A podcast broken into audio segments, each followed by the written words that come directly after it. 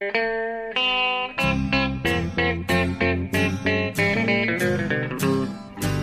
out there, we're on the air. It's hockey night tonight. Tension grows, the whistle blows, and the puck goes down the ice. The goalie jumps and the players bump, and the fans all go insane. Someone roars, Bobby scores at the good old hockey game. Oh, the good old hockey game is the best game you can name. And the best game you can name Hallå, hallå, hallå, hallå, hallå, hallå, hallå, hallå, hallå, hallå, hallå! Yes, hallå och välkomna till NHL-podcasten avsnitt nummer 244 med eh, Jonathan Hallåan Ekeliv i Stockholm Ja, och mig Per Bjurman för närvarande i St. Louis, Missouri. oj, oj, oj. Ja, för här hit har ju nu Stanley Cup-final-cirkusen sökt sig. Ja. Efter de två inledande matcherna i Boston så är det dags för eh, två stycken i The Lou. The Lou. Mm. Ja, och det är ju det som det blir fokus på nu då i, vår, eh, i vårt avsnitt här. Eh, vi har lite mer vi ska prata om på slutet men, men eh, ja. Eh, vi är inte jättelångt för det är tidig morgon i St. Louis, ja, något sån här tidigt och eh, jag måste iväg på träning sen. Det är träningsdag idag efter en resdag igår. Ja. Eh, så ska båda lagen ha sina första finalträningar i eh, Enterprise Center i downtown St. Louis. Ja, det är en ja, vacker, vacker, mycket vacker morgon här kan jag säga. Är det sant? Det är vackert i St. Louis. Finalen till ära. ja. Klarblå himmel och mycket varmt ser det ut att vara. Jag blir, jag blir så glad. Du Jag blir så är, glad. du är sugen på att gå ut i solen och ta en liten promenad då till eh, Enterprise, eller hur nära bor du? Nej, jag bor en bit utanför. Jag måste nog ta en, en Uber. Det blir en Eh, Uber, ja. Okej. Jag bor i en förort som heter Clayton. En väldigt eh, välmående förort. Det är inte mycket här kring som är välmående, men här är det. Nej, du har ju sagt att eh, går man något kvarter bortanför arenan så är det nästan farligt. Eller hur, hur funkar det? Man behöver inte ens gå, några, man behöver inte ens gå därifrån. Alltså, är det så pass? Ja, ja det, är, det är en hård stad, St. Louis. Men nu lever den ju upp. Eh, Ja. Man har ju re- jag har redan sett, alltså överallt står det Let's Go Blues. Antingen står det Let's Go Blues eller så står det Play Gloria. Ja. På, på husväggar och på flygplatsen. Och redan när jag lyfte igår, eh, bytte plan i Washington från Boston. Och, och, när vi skulle, när vi skulle, när det var take-off så kom kaptenen in och sa Åh, vi är på väg eh, directly to St. Louis, the home of the blues. Och då var hela planet jubla. Så, yeah, yeah. Oj, oj, oj, det är så Jag pass trodde till de skulle börja sjunga Gloria, i, i, kaptenen skulle börja sjunga Gloria. Ja, det hade jag nästan förväntat mig. Men det är, oj vad det, vad det har tagit över i den stan efter alla dessa 49 långa år och aldrig en Stanley Cup-titel. 49 år sedan final liksom. Ja, eh, de där tre finalerna de spelade då var liksom inte på riktigt. De var ju alldeles ny, ny organisation och eh, det var bara 12 lag i ligan. Och, Expansionslag var garanterat att gå till final var det också. ja, eh, ja, precis. Du, du, hör ju. Ja. Eh, så att, eh, och det är nästan ingen som är fan idag kommer ihåg det. Ja, de har bara upplevt massa hemska perioder och slutspelschoke och så vidare. Ja, så nu är det, nu är det verkligen är feber. Men det, det får man faktiskt säga att Boston är också. Imponerad av Boston som ju ändå är så en exceptionellt framgångsrik sportstad och, har, vinner ju allting hela tiden. Ja, precis. Ja, som, du- som du konstaterade i förra veckans podd, det är liksom, ja, det är, är det inte hockey, det är ju baseball nyligen, det är ju inte minst Patriots. Det är ju Ja. allting och deras college-sport och så vidare. Det, de är ju så otroligt framgångsrika i allt de ställer upp i. Ja, och ändå så är det eh, ett, en kompakt uppslutning bakom Bruins nu också. När man eh, har varit där några dagar och, rört sig i kvarteren i North End där så är det, det är påtaglig eh, Stanley Cup-feber där också. De älskar sitt Bruins i, Boston. Det gör de verkligen. Ja, jag måste återigen bara understryka att jag, jag har ju varit i, jag har ju långt ifrån varit på så många platser i USA som du har varit. Men Boston är, måste jag säga, kanske är min favoritstad rent objektivt sett. Jag har ju en förkärlek till Tampa, men jag tycker det är fantastiskt fint där i downtown Boston. Alltså. Ja, det är det. Det, det, det är en förtjusande stad.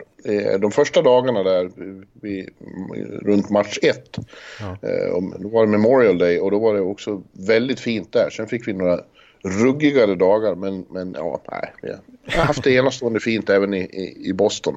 Jag förstår det, jag förstår det. Och det blir ju ett, det blir ett fint tryck där i, i Garden. Det är en riktigt mäktig eh, arena.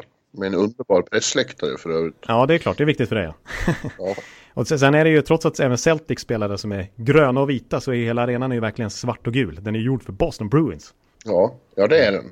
Mm. Eh, det känns som en riktig hockeyhall. Det känns som Bruins vecka hemma-arena. Ja, precis. Den är, den är nej, kompakt som du säger. Den är, inte, ja, det är intensiv, hård, rough. Mm. Stämmer mm. Ja, så är det. Oj, förlåt. Lite morot i thirst-strupen här igen. Tidigt på morgonen.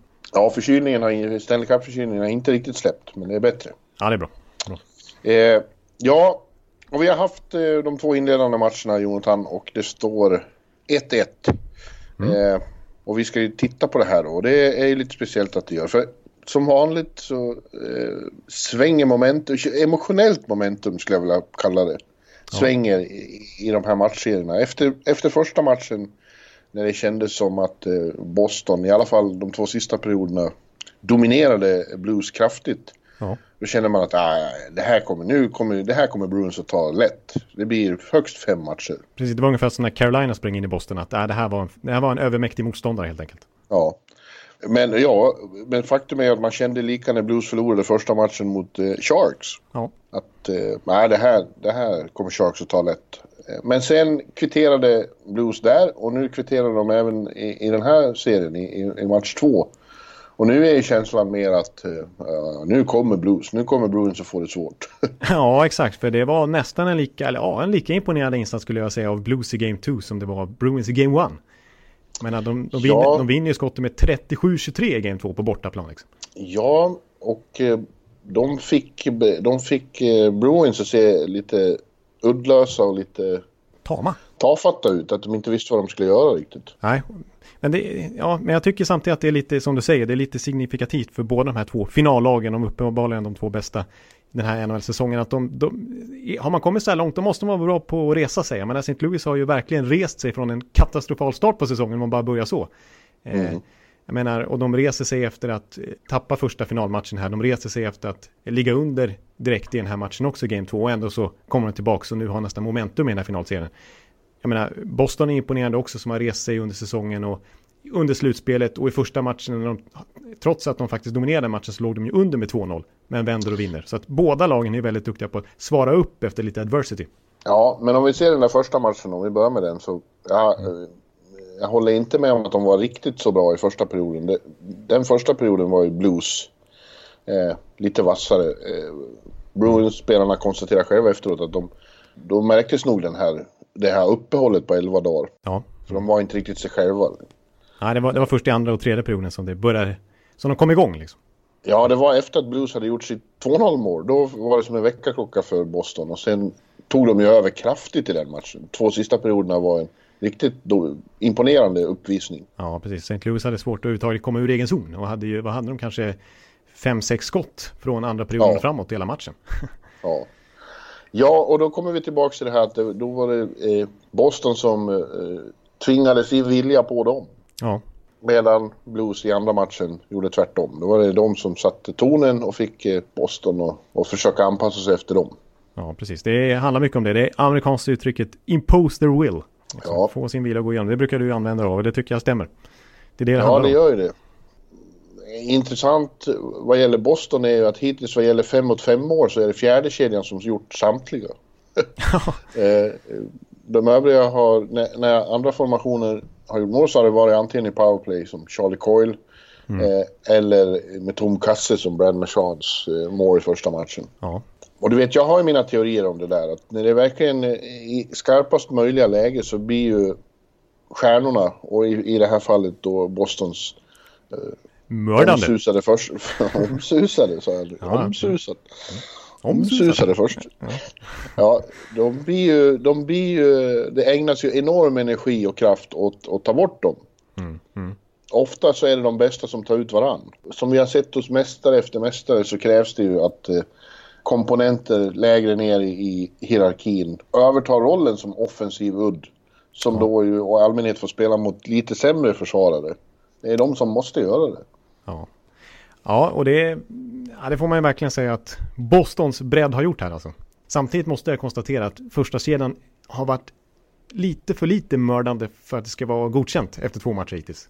Ja, men jag, jag tror, eh, det där säger vi år efter år, men jag har just skrivit en krönika till Hockeysverige idag om det där. Ja. Mm. Om man går tillbaka och tittar på, visst, Kane och Taves och sådana här, de har ju varit bra men 2010 så var det, hade inte Chicago vunnit utan Troy Brower, John Madden och Andrew Ladd.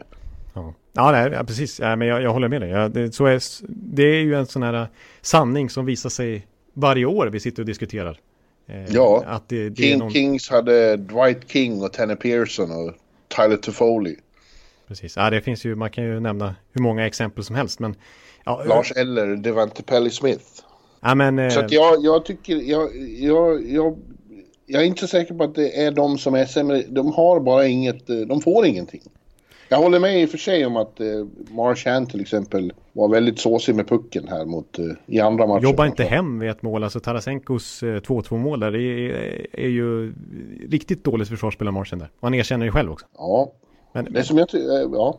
Ja, men, ja, jag måste bara eh, berätta, för nu har vi ändå sagt att det är, det, visst det är bredden som måste kliva fram, men jag måste få Eh, vara lite hård här mot, mot eh, första kedjan som vi har berömt så mycket. För jag menar, i, i vår, vi har ju suttit hela slutspelet och sagt att de har varit väldigt bra. Och i vår, i, Nej, de har haft perioder. Ja, de har haft perioder inte... dåliga, men de har ändå kommit in i alla serier till slut. Det kanske de gör här också. De är hårt tagna, de får, ingen, ja. de får ingenting.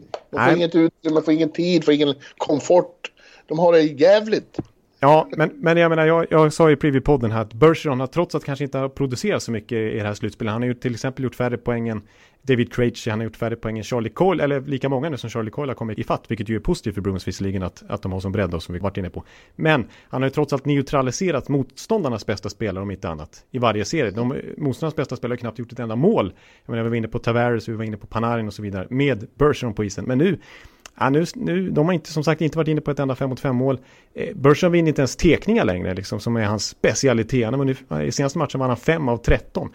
Eh, mm. han, han, det var faktiskt så pass att eh, Cassidy inte spelade honom så mycket eh, i den här andra matchen heller. Utan faktum är att om man ser till kedjehierarki så var första kedjan var tredje kedjan sett i speltid. Det var Marcus Johanssons kedja som fick mest istid. Näst mest istid, det var fjärde kedjan. Den så duktiga med Corelli, Nordström och Atchari. Sen kom... Den så duktiga. ja, faktiskt. Numera. Eh, ja, men det var ett roligt sätt att...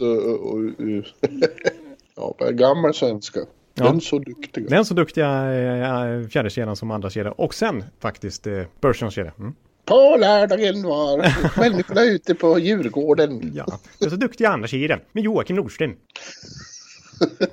Ja. ja, ja men eh, fjärde kedjan i Boston har varit väldigt utropstecken och eh, roligt ur blågult perspektiv är väl att två svenskar har varit deras bästa forwards i, i varsin match. I första matchen var ju Marcus Johansson Bostons bästa forward. Precis. Och i match två var det Jocke Nordström. Och det är inte bara vi svenskar som konstaterar utan det är ju lagkamraterna i Boston som säger det. Ja, och all media här också. Marcus var ju ruskigt inspirerad som jag vet inte vad i första matchen. Hade redan i, i, i första perioden ett, ett genombrott där han såg ut som rena Datsjuk. Klev in mellan två backar och satte den i stolpen. Ja, precis. Nej, alltså, han, är ju, han spelar sitt livs hockey. Ja. Och håller på att pegga upp för ett superkontrakt nu. Ja. Och Jocke Nordström först i, i andra matchen och först gör ett fint mål när han blir lämnad ren framför kassen och eh, lägger in en backhand mellan benen på Binnington. Ja. Och, men sen gör han ju, blir han stor publikfavorit genom sitt upp, sina uppoffrande eh, skottäckningar. Till exempel slänger han sig med, det är verkligen dödsförakt, slänga sig framför Pareko när han skjuter slagskott. Två gånger om i samma byte dessutom. Ja, mannen som har skjutit sönder Alex Stens benskydd en gång till exempel ja. och bara sprack. Ja, nej, han har ju ett av NHLs hårdaste skott. Och han får dundra på med direktskott liksom i powerplay. Det är ju livsfarligt. Det är, det är livsfarligt. Det är mördande. Ja. Eh, men, men, eh, ja, nej, men jag, jag, var ju tvungen att konstatera lite här när jag kollade på Jocke Nordströms siffror här att eh, för jag var ju så imponerad av hans match två. Om man kollar på hela slutspelet här, han har alltså spelat mest av alla Boston forwards i boxplay. Nästan 40 minuter. Och fortfarande mm. inte varit inne på ett enda mål. Nej, du ser. Det, han har alltså noll insläppta mål i boxplay på 37 minuters istid mest i Boston. Ett mål framåt däremot, så han är plus ett i boxplay. Ja, ja.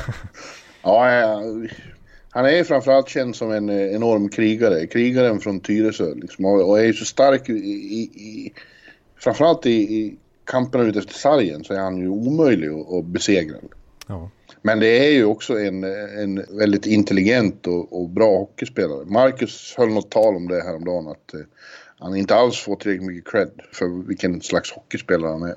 Nej, återigen, återigen cred tycker jag lite grann till Don Sweeney för hans pickups. Dels att han tradade till sig Marcus Johansson och Charlie Cole som jag pratade om. Att det var väldigt bra trader och kanske förhållandevis billiga jämfört med att gå efter en eh, Matt Duchene eller något av de större namnen.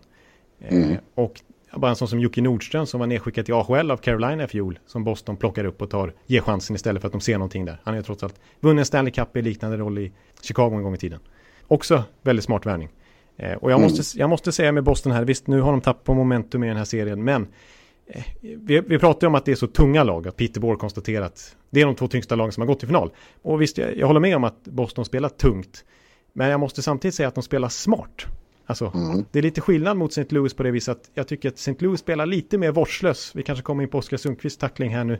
Eh, och liksom det faktum att tagit många dumma utvisningar hittills. Båda, det har varit fem tvåor i båda finalmatcherna mm. hittills. Så de har 20 fler tacklingar till exempel än Boston över de här två matcherna. De är lite mer liksom, tunga rent bokstavligt talat. Men jag tycker Bruins är väldigt smarta. De har tagit minst antal utvisningar per match i slutspelet totalt sett. Ja. Och de, alltså de här Jocke Nordström-typerna är ju liksom, de, de offrar sig verkligen men de spelar smart också. Ja, det gör de. Så att jag, det, det, är inte riktigt Big Bad Bruins utan det är Big Smart Bruins skulle jag vilja säga. Ja, men något som var, eh, tycker jag då, anmärkningsvärt i andra matchen var inte, jag tycker ändå inte huvudproblemet är att inte de som vanligtvis producerar när det är allmänhetens åkning i, i grundserien eh, inte producerar längre. Det som var lite anmärkningsvärt eh, var under delar av andra matchen var att de var eh, stirriga i defensiven. Ja. Eh, släppte till lite väl mycket där faktiskt.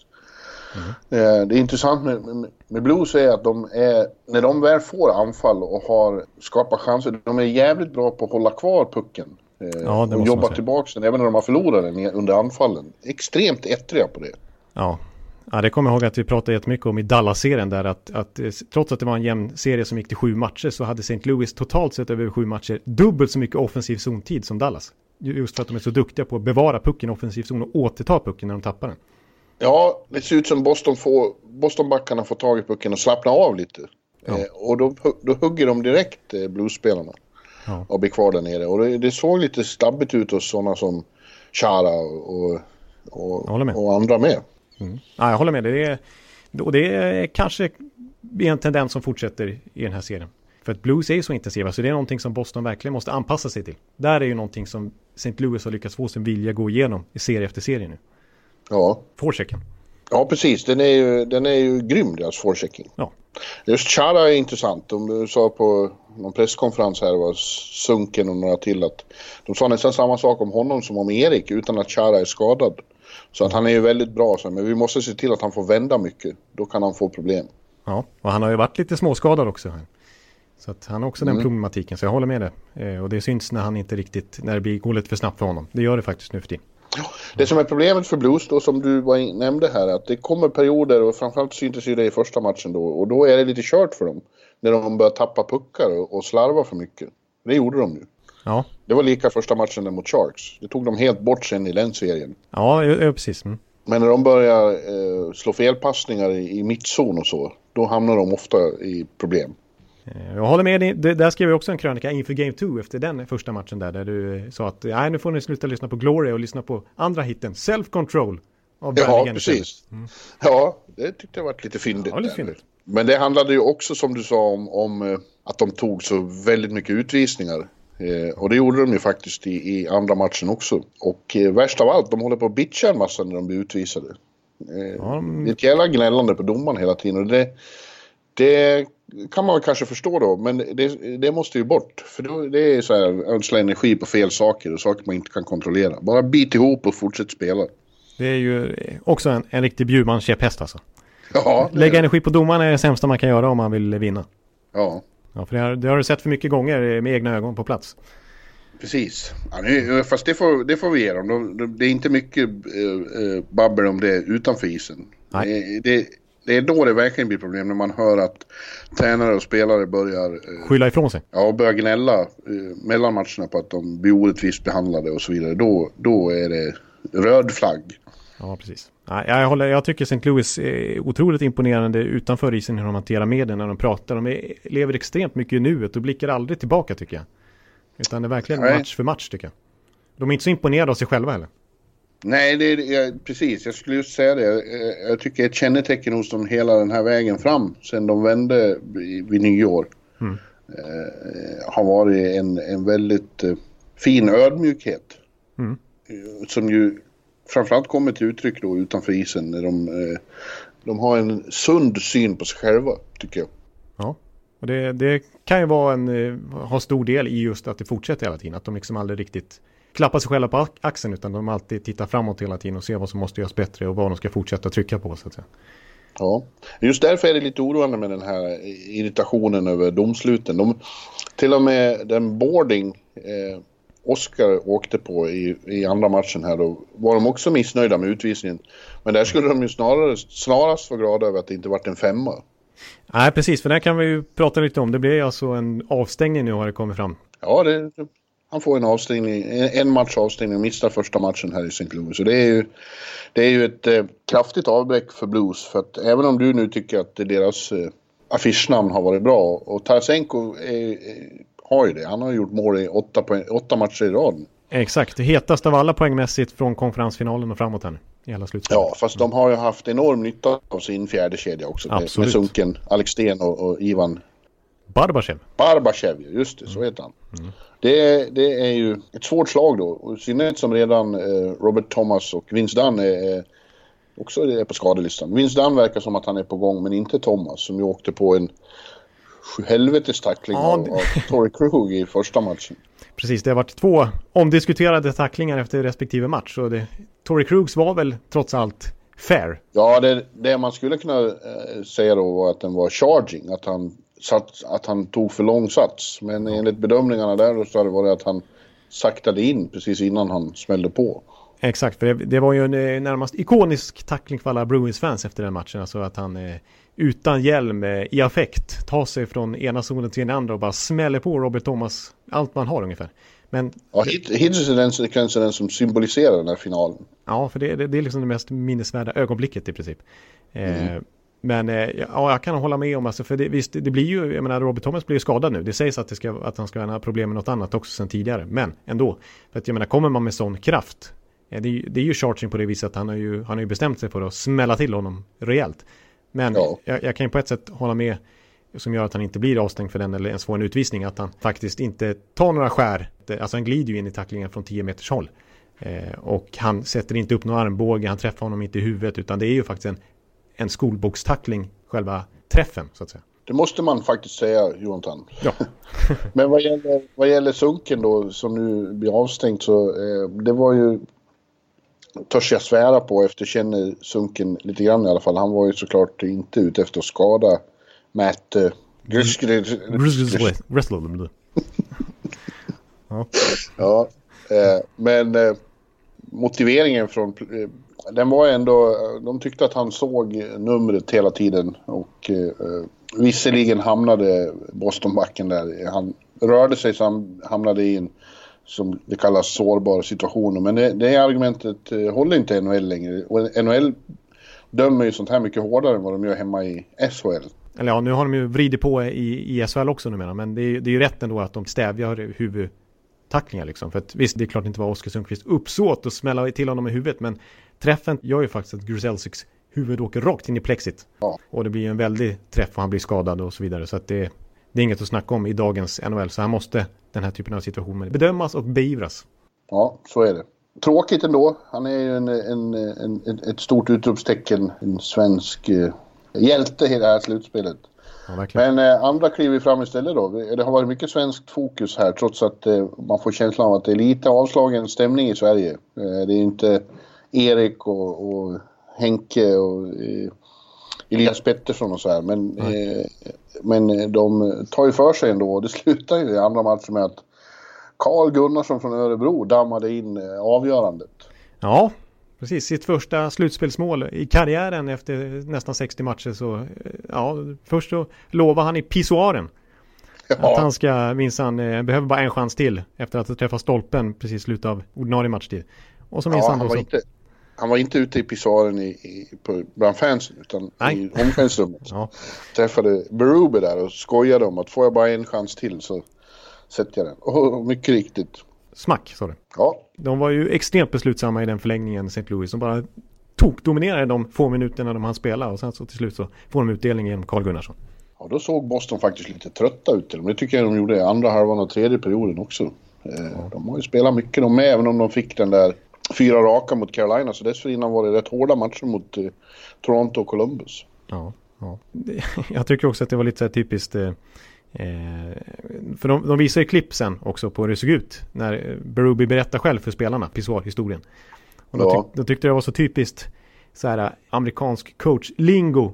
Det var ju inte direkt söndagsskola i omklädningsrummet när Berube pratar utan det är så här. Först är det liksom oh, great win fucking guys we're gonna beat those fuck. Så här liksom. Och sen, sen uh, in the in the pisser. Uh, between the periods I, I, I, I took a piss. And there uh, comes Gunner taking a leak. Så här liksom. ja, den, det är lingot ungefär. Ja. Ja, kul för honom. Det var ju hans livsmål. Gunnars. Får man säga. Vad säger du om målvakterna då? Jag, jag tycker inte att Binnington, som jag hävdar är lik dig, eh, Ja. Har, har imponerat jättemycket.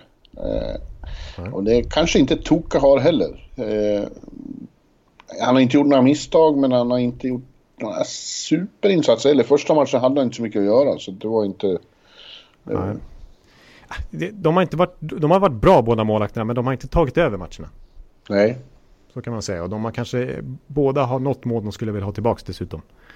Eh, Men eh, däremot måste jag säga, alltså, jag håller med kanske om Binnington, men Rask, det är bara, jag är ändå fortsatt imponerad. Alltså, det är ju, nu har han faktiskt satt ett rekord också, för att i samtliga 19 slutspelsmatcher Boston spelat, som ju Rask har stått i kassen här i slutspelet, så har han varit över 90%. Det har aldrig hänt i NHL-historien att en målvakt aldrig varit under 90% på 19 matcher. Så det är Nej. ett rekord. Snacka om jämn han har varit under hela vägen. Han gjorde en fantastisk eh, benparad här i andra matchen, men det var då Tarasenko dök upp och tog returen. Just släpper inte Tuka så mycket retur. Och var det Michael Farber på Sports Illustrated sa om stavningen av Tuka? It's two use, two case and no rebounds. Ja, just det. Det en underbar beskrivning. Du blev nästan avundsjuk att du inte kom på den själv. Ja. ja jag, så bra skribent är jag inte helt enkelt. Så jag sitter på sådana. Eh, men, eh, och det var en typisk sån situation. Eh, Kommer det retur då är, då är Blues grymma på att ta hand om dem. De är bra positionerade i de där situationerna. Ja, men det är för att de, har är där inställningen. De vill ju dit. Liksom. Ja. ja. Men vad tror vi om fortsättningen då? Jonte, nu är det två matcher i St. Louis det kommer att vara ett helvetes liv i, i, i Enterprise Center. Min känsla, min, om jag får tippa det här så tror jag att de splittar här. Och den som vinner Game 5 i Boston nästa vecka vinner Stanley Cup-finalen i Game 6. Ja, ja, då tror jag att du går eh, på ett statistiskt säkert kort. För det brukar väl vara så att Game 5-vinnaren vinner extremt stor procentdel av den totala serien till slut. Ja, Det brukar vara den viktigaste matchen i princip. Eh, det är också så att den som vinner första matchen vinner 75% av gångerna. Det Ja, var ju Boston nu. ja. Det ska bli jävligt kul. Jag tycker, jag tycker de två första matcherna, utan att det här kanske framstår som den hetaste finalen i världen, så tycker jag att den, är- det, det har varit två jävligt roliga matcher att se. Ja, jag tycker det har varit... Eh, jag menar, du sa att det kanske varit lite avslaget på hemmaplan och inte det mest hypade finalserien. Men jag tycker det har varit två skitbra matcher hittills faktiskt. En Ja, grym finalserie som har innehållit mycket stories, side stories och på isen och i omklädningsrummen och allting. Det har varit... Ready to pop the question? The jewelers at BlueNile.com have got sparkle down to a science with beautiful lab grown diamonds worthy of your most brilliant moments. Their lab grown diamonds are independently graded and guaranteed identical to natural diamonds, and they're ready to ship to your door. Go to BlueNile.com and use promo code LISTEN to get $50 off your purchase of $500 or more. That's code LISTEN at BlueNile.com for $50 off. BlueNile.com code LISTEN. Underhållande. Ja. Vad, vad gäller det där med hetta så är det ju faktiskt lite eh, pikant att eh, NBA-finalen började i natt, eh, natten som gick. Ja, Och i den spelar ju Toronto Raptors. just det. Eh, och det är första gången ett kanadensiskt lag är i NBA-finalen. Det finns ju bara ett. Just det. Eh, och de har blivit hela Kanadas lag. Eh, de är The North. Och Ja, just det. eh, det är tydligen redan så att för första gången i historien så har NBA-finalen högre tittarsiffror i Kanada än vad Stanley Cup-finalen har. Det är ju ganska Ja, det är ju historiskt. spektakulärt. Ja. Ja de är, det är hett som fan i Toronto om, om eh, kring Raptors. Så, eh, NHL är inte helt nöjda med det tror jag. Nej, det förstår jag, för det, det är de inte vana. Är det någonstans de dominerar så är det ju Kanada och inte minst i Toronto. De skulle kunna ha tre NHL-lag, rent Ja. eh, intressemässigt liksom. Ja, det ska bli skitkul att följa fortsättningen också. Om jag kommer med tips så, ja, jag måste stå fast med Boston, 4-2 tipset. En, en för detta NHL-spelare mejlade mig häromdagen och sa att, eller igår och sa att nu kommer St. Louis, nu tar de resten. Oj, oj, oj. Jag tycker utifrån ditt tips, nu kanske, nu har jag inte det framför mig här, men min känsla var att många spelare, aktiva spelare i ditt tips, eh, sa St. Louis faktiskt. Det är ju intressant, det har jag inte tänkt på. Jag kanske är helt ute och snurrar här, men bara eh, det slog mig just nu att när jag tänker efter, liksom, det var många aktiva spelare som sa St. Louis. Ja, jag tror att tar de tredje matchen utan Oscar på isen och allt, då blir det intressant. Ja, ja ja det blir spännande. Grymt spännande. Du, vi har inte så jättemycket annat att, att prata om. Vi, det är klart att Tippet, Dave Tippet blir Oilers coach, men det visste vi väl i princip redan nästa veck, förra veckan. Ja, det har vi diskuterat ett antal veckor känns det som nu. Så det har vi avhandlat lite grann nu. Och nu är det, men nu kan vi i alla fall slå fast att det är klart. Han har blivit anställd. Ja, eh, våra vänner i Anaheim har dock inte någon coach än och du har sagt att du, du är säker på att det blir han. Dallas Eakins. men i, i, igår såg jag spekulation, det är fler namn som diskuteras och eh, Murray ska ha intervjuer med till exempel han som var i Tampa så många år, vad? Ja, Rick Bonus ja. Bo, bonus. Ja, han kan, han kan hamna där. ja. De kanske nu när säsongen är över för San Diego Gulls. De förlorar ju konferensfinalen och det var då jag tänkte att de skulle offentliggöra Eakins. Men det är kanske nu de börjar processen på riktigt då och börjar intervjua folk, inklusive Eakins, för att se vem som är mest lämpad.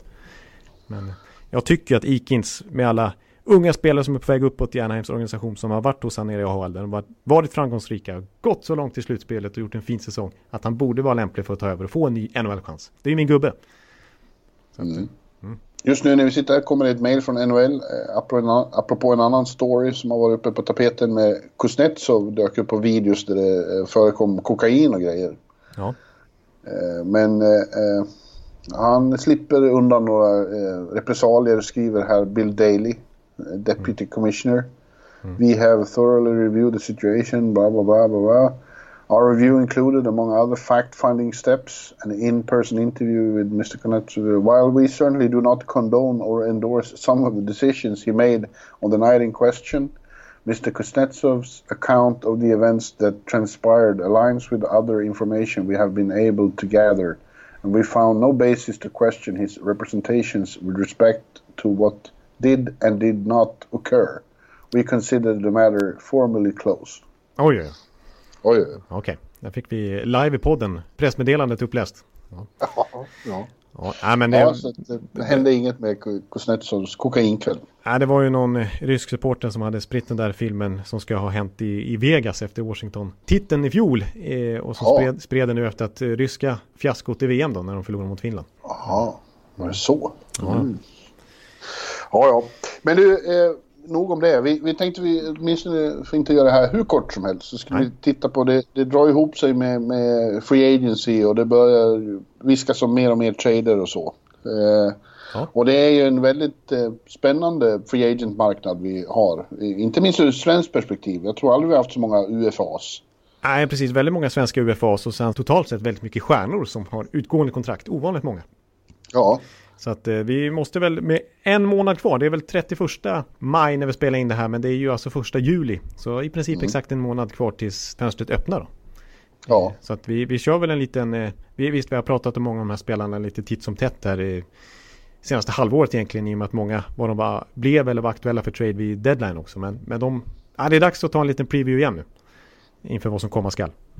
Och du har en lista åt oss, tänker vi oss. Ja, jag har tagit fram lite listor. Ska, ska, ska vi börja med lite, eh, med lite, all, alltså de största namnen, inte bara svenskar. Ja, absolut. Eh, då måste man skilja på RFAs och UFAs. Alltså jag tänker vi tar UFAs. För RFAs är, det är ju en väldigt speciell sommar där också med tanke på Alltså det är ju Mitch Marner, det är Braden Point, det är Mikko Rantanen, Aho, Laine, Kachak, Meyer, Connor, William Karlsson, Besser, Wierenski, Binnington. Det är otroliga RFAs. Så det, Ja. det pratas ju om att det kan bli the summer of offer sheets för en gångs skull. Vi har inte sett ett offer sheet på sex år. Nej, Men, Nej eh, det skulle vara något. Så det vore ju häftigt. Men eh, ska jag dra en kort grej som en teori och som andra har spekulerat i som gör att jag har svårt att se att det ska bli ett offer sheet ändå. Jag tar den snabbt. Det här är lite matematiskt och siffror och sådär. Men alltså och ett offer sheet innebär helt enkelt att man budar på en restricted free agent som fortfarande tillhör klubben man ägs av fast man inte har kontrakt. De är fortfarande första king. Så lägger man ett bud på en RFA då har ju den klubben rätt att matcha det.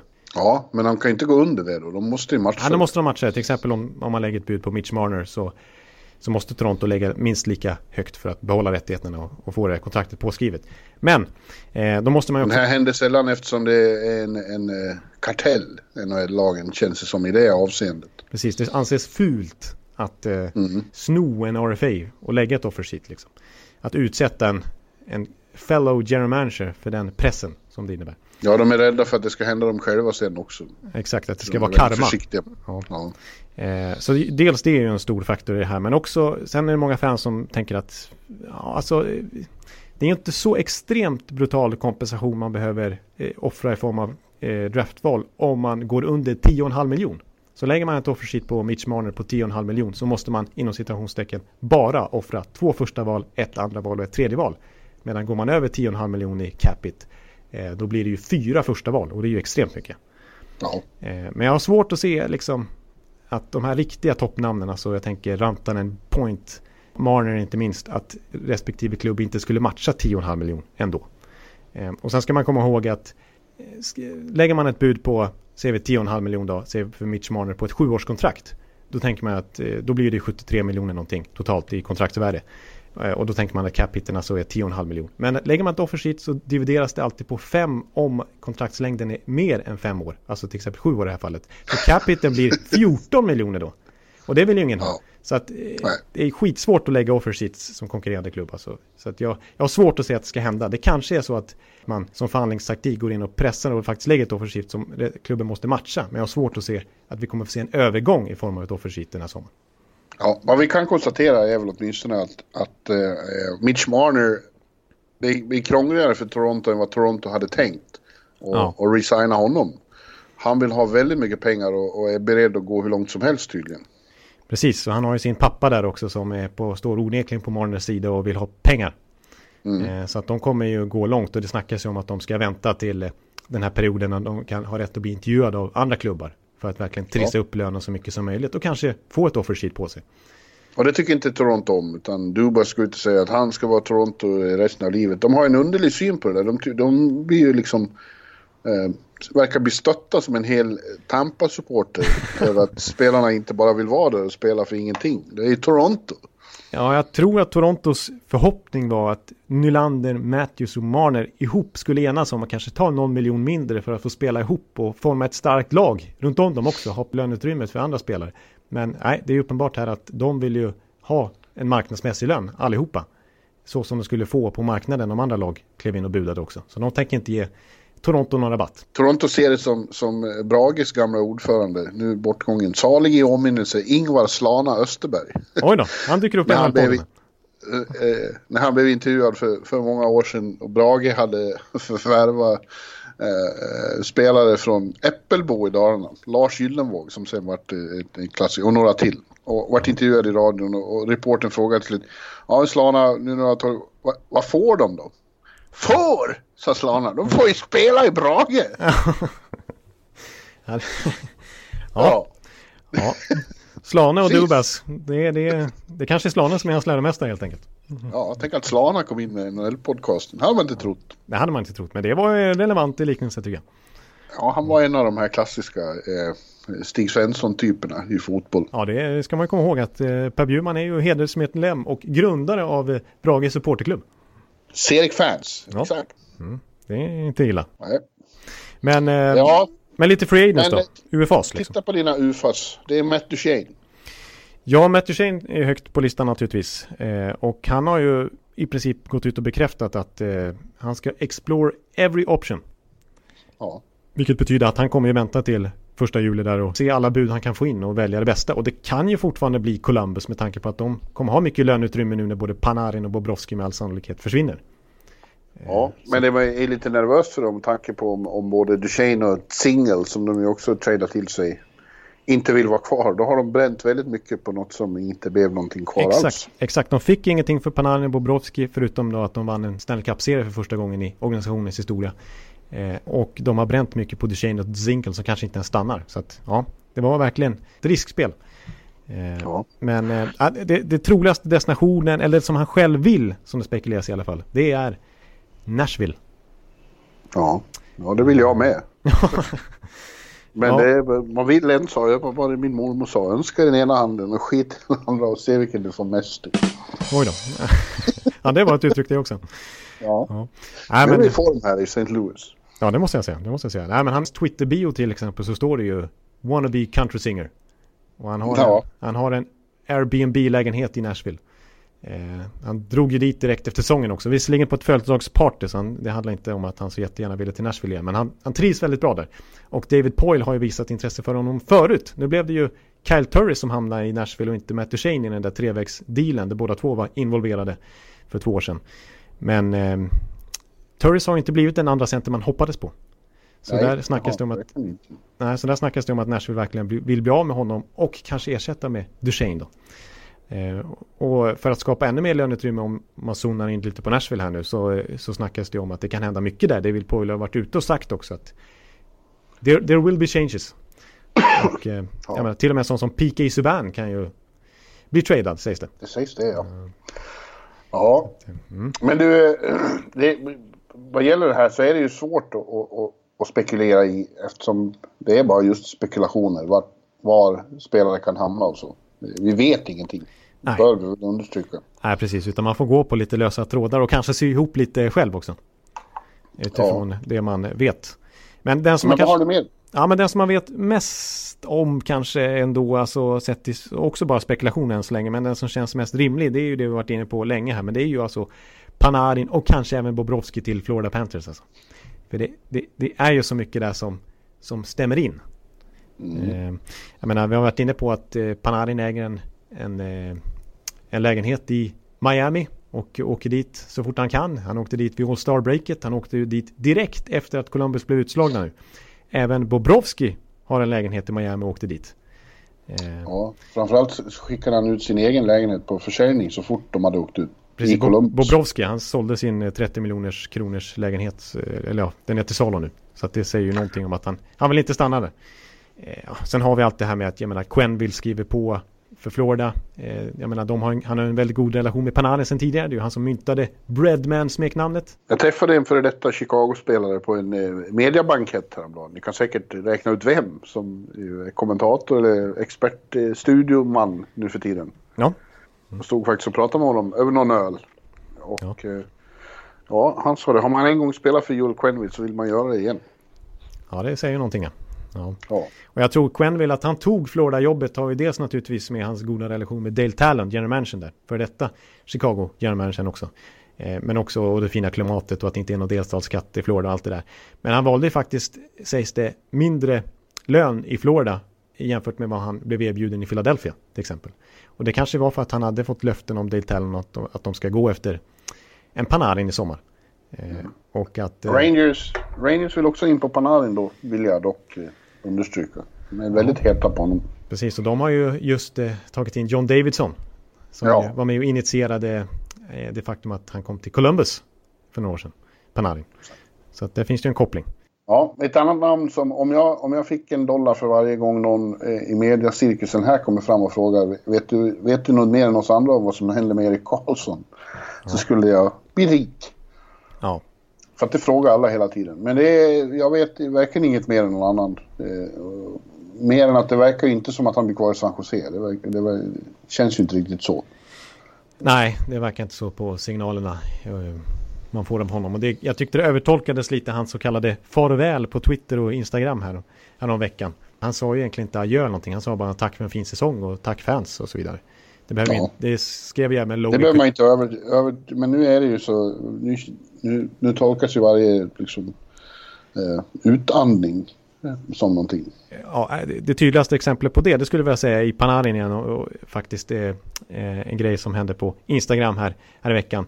Att eh, det var någon e-sports eh, Instagram-inlägg där Panarin nämndes och så gick Panarin själv in och skrev och tyckte att han hade för dålig rating. Eh, han skrev med sitt officiella konto där att eh, jag ska ha, jag ska inte ha 88, jag ska ha 95 eller något sånt där. Eh, varpå en eh, Vancouver-supporter skriver att eh, så här, Pedersen to Panarin, he scores! Please come to Vancouver. Varpå Panarin likar det inlägget. Och hela Vancouver tappar det totalt.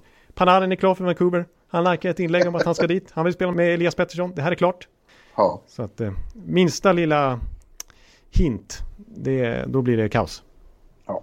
Nu, vad har du med på min lista? Jag måste faktiskt, det bör, klockan börjar bli mycket Jonathan. Jag Ja. måste på den här träningen, det kan jag inte missa. Ja, jag förstår det. Ja, men då tar vi lite snabbt. Vi kan säga att Jeff Skinner förmodligen kommer stanna i Buffalo och bli enormt betald, vilket kan sätta en liten marknad här. Alltså. Eh, det Mm. snackas om att han, eh, det blir typ 9 miljoner dollar. Ja, men Buffalo har inte råd att tappa fler storspelare. Det går inte. Nej, de måste. Och De måste ha bra spelare.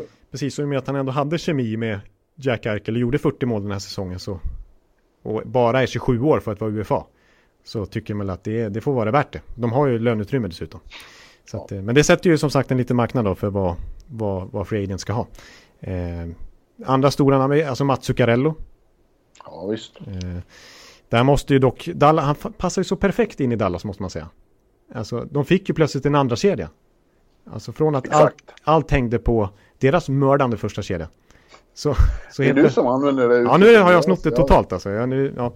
Eh, så, så fick de ju plötsligt en andra kedja med Zuccarello som lyfte liksom Rope Hintz. Eh, och Jason Dickinson, alltså Hintz fick ett genombrott men hade mycket att göra med kemin med Zuccarello också. Men ska de förlänga med honom, ja då ingår det ju att de måste slänga ett första val till Rangers. Annars blir det bara ett tredje val. Alltså tredje runda val. Ja, men det tror jag de får liksom bara finna sig i. Eh, han blev ju snabbt publikfavorit i American Airlines Center också. Ja, och han sa faktiskt när säsongen var slut han skulle åka hem till Norge att, eh, och det är klart han säger så, men, men ändå, det lät övertygande att för visst, Lundqvist grät och sen när han lämnade Rangers, han var ju själv väldigt besviken och sa under hela säsongen att det var jobbigt att behöva lämna hans familj, liksom, som Rangers-laget har blivit. Eh, Men nu sa han att nej, Dallas Stars är mitt lag. Alltså de, Ja. de, de tror väldigt mycket på mig här och jag trivs när folk tror på mig. Ja, det gör jag med. Ja, det gör jag nog också faktiskt. Så att eh, det kan bli mycket väl så att bli att han stannar där. Eh, sen har vi såklart, jag menar, Islanders riskerar ju faktiskt att tappa en lagkapten för andra säsongen i rad. Anders Lee har inte skrivit på någonting än. Eh, Jag tror att han vill stanna, men där ska tydligen skon klämma i det faktum att Anders Lee är ju, vad är han, 30 års ålder nu. Eh, och vill ha ett sånt där 7-8 års kontrakt som Andrew Ladd fick och som David Backes fick och som eh, Frans Nielsen fick och Lou Eriksson fick. Som ju riskerar att bita en ända ganska snabbt. Eh, för den typen av fysiska spelare som Anders Lee ändå är. Att det kanske, kanske börjar ta slut i tanken vid 33-34 års ålder.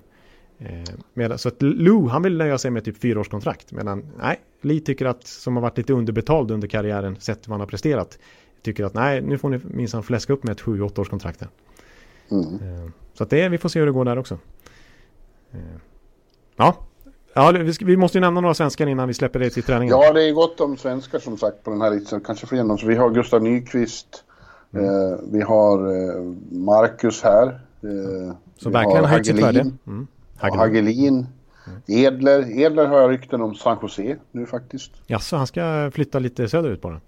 Ja. Eh, Kronvall. Eh, vet vi inte om han tänker fortsätta eller inte. Eh, och vi har ju apropå Islanders eh, Robin Lehner. Vad händer med honom? Ja, det, det, är ett, det tycker jag nästan är det svåraste kontraktet i sommar med tanke på att han, så, han har ändå spelat NHL i rätt många år men nu bara breakar igenom totalt och blir Vessina nominerad. Ja, Alltså vad ska han ha? Ska han ha ett långt kontrakt? Ska han ha ett kort kontrakt? Ska han ha en jättehög lön direkt? Ska han ha lite, alltså på något sätt ändå en liten bridge deal för att liksom bevisa sig om det är på riktigt där. Jag tror att han med sin tanke på sin ålder är ute efter något betydligt mer än det. ja, ja, jag, mitt tips är typ treårskontrakt, 5,5 miljoner dollar eller sånt där. Ja. Så, ja, eh, finns det något till? Magnus Pääjärvi eh, har väl också Precis, Ottawa-svenska där, Oskar Lindberg.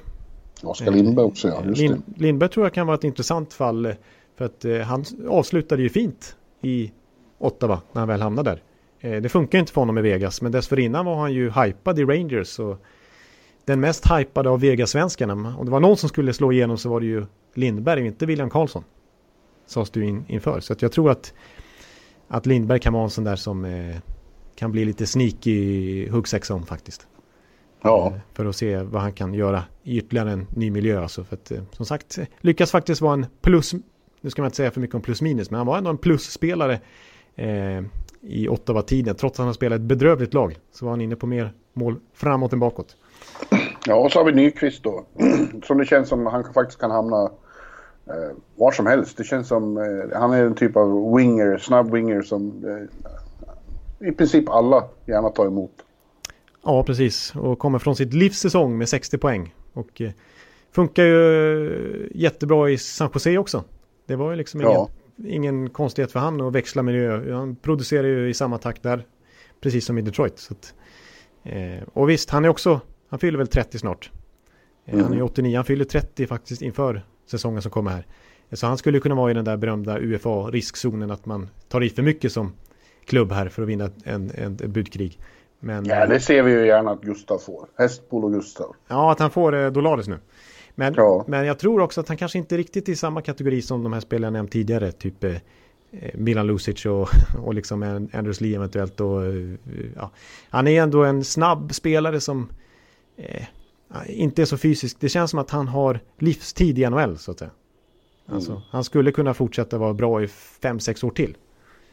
Eh, så Absolut. Att, mm, så jag, tror, jag tycker man, tror inte man behöver vara allt för skraj där. Och skriva ett ganska mäktigt kontrakt med honom. Ja. Nu, nu, nu, nu är jag lite... nu måste jag gå. Nu måste du gå. mm. Ja men då, eh, då säger vi väl att det får räcka för den här veckan. Och sen så hörs vi igen då. Eh, när det nu blir. Nästa vecka, då kan vi ha en Stanley Cup-mästare. Precis, det, precis, vi får se vilken dag det blir. Men det, kan ju faktiskt, det är en ganska utdragen final här snart. Eh, om det blir jag menar det kan ju vara två dagar mellan varje match på slutet. Så, ja. eh, vi får se när det blir. Men eh, det kan vara så. Hur som helst så hörs vi i alla fall. Det gör vi. Tack för den här veckan och, och eh, ha en eh, mördande helg. ja, i positiv bemärkelse. En, ja. ja vi, eh, vi hörs allihopa. Hej! Hej, hej! Hallå, hallå, hallå! Hallå, hallå, hallå! Alex Chiazot, Joe Luis Arena och Esposito. Esposito. Uttalsproblem, men vi tjötar ändå. Och alla kan vara lugna, inspelningsknappen är på. Bjuder Hanna Kohl, han är grym i sin roll. Från Kållesoffan har han fullständig kontroll på det som händer och sker. Det blir ju allt fler som rattar in hans blogg. Och lyssna på hans podd. One, two, three, speed, so Hallå, hallå, hallå. One, two, three, speed, so Hallå, hallå, hallå. Ekeliv, som är ung och har driv. Verkar stor och stark och känns allmänt massiv. Han hejar på Tampa och älskar Hedman. Sjunger som Sinatra. Ja, och det ser man. Nu är det dags för refräng. Dags för magi, Victor Norén. Du är ett geni. Så stand up at home and remove your hats. Höj volym, för nu är det plats. One, two, three, speed, so Hallå, hallå, hallå. One, two, three, speed, so Hallå, hallå, hallå. One, two, three, speed, so Hallå, hallå, hallå. One, two, three, speed, so Hallå, hallå, hallå. Det är otroligt länge sedan båda samtidigt var så här bra. Hallå, hallå, hallå. Det är otroligt länge sedan båda samtidigt var så här bra.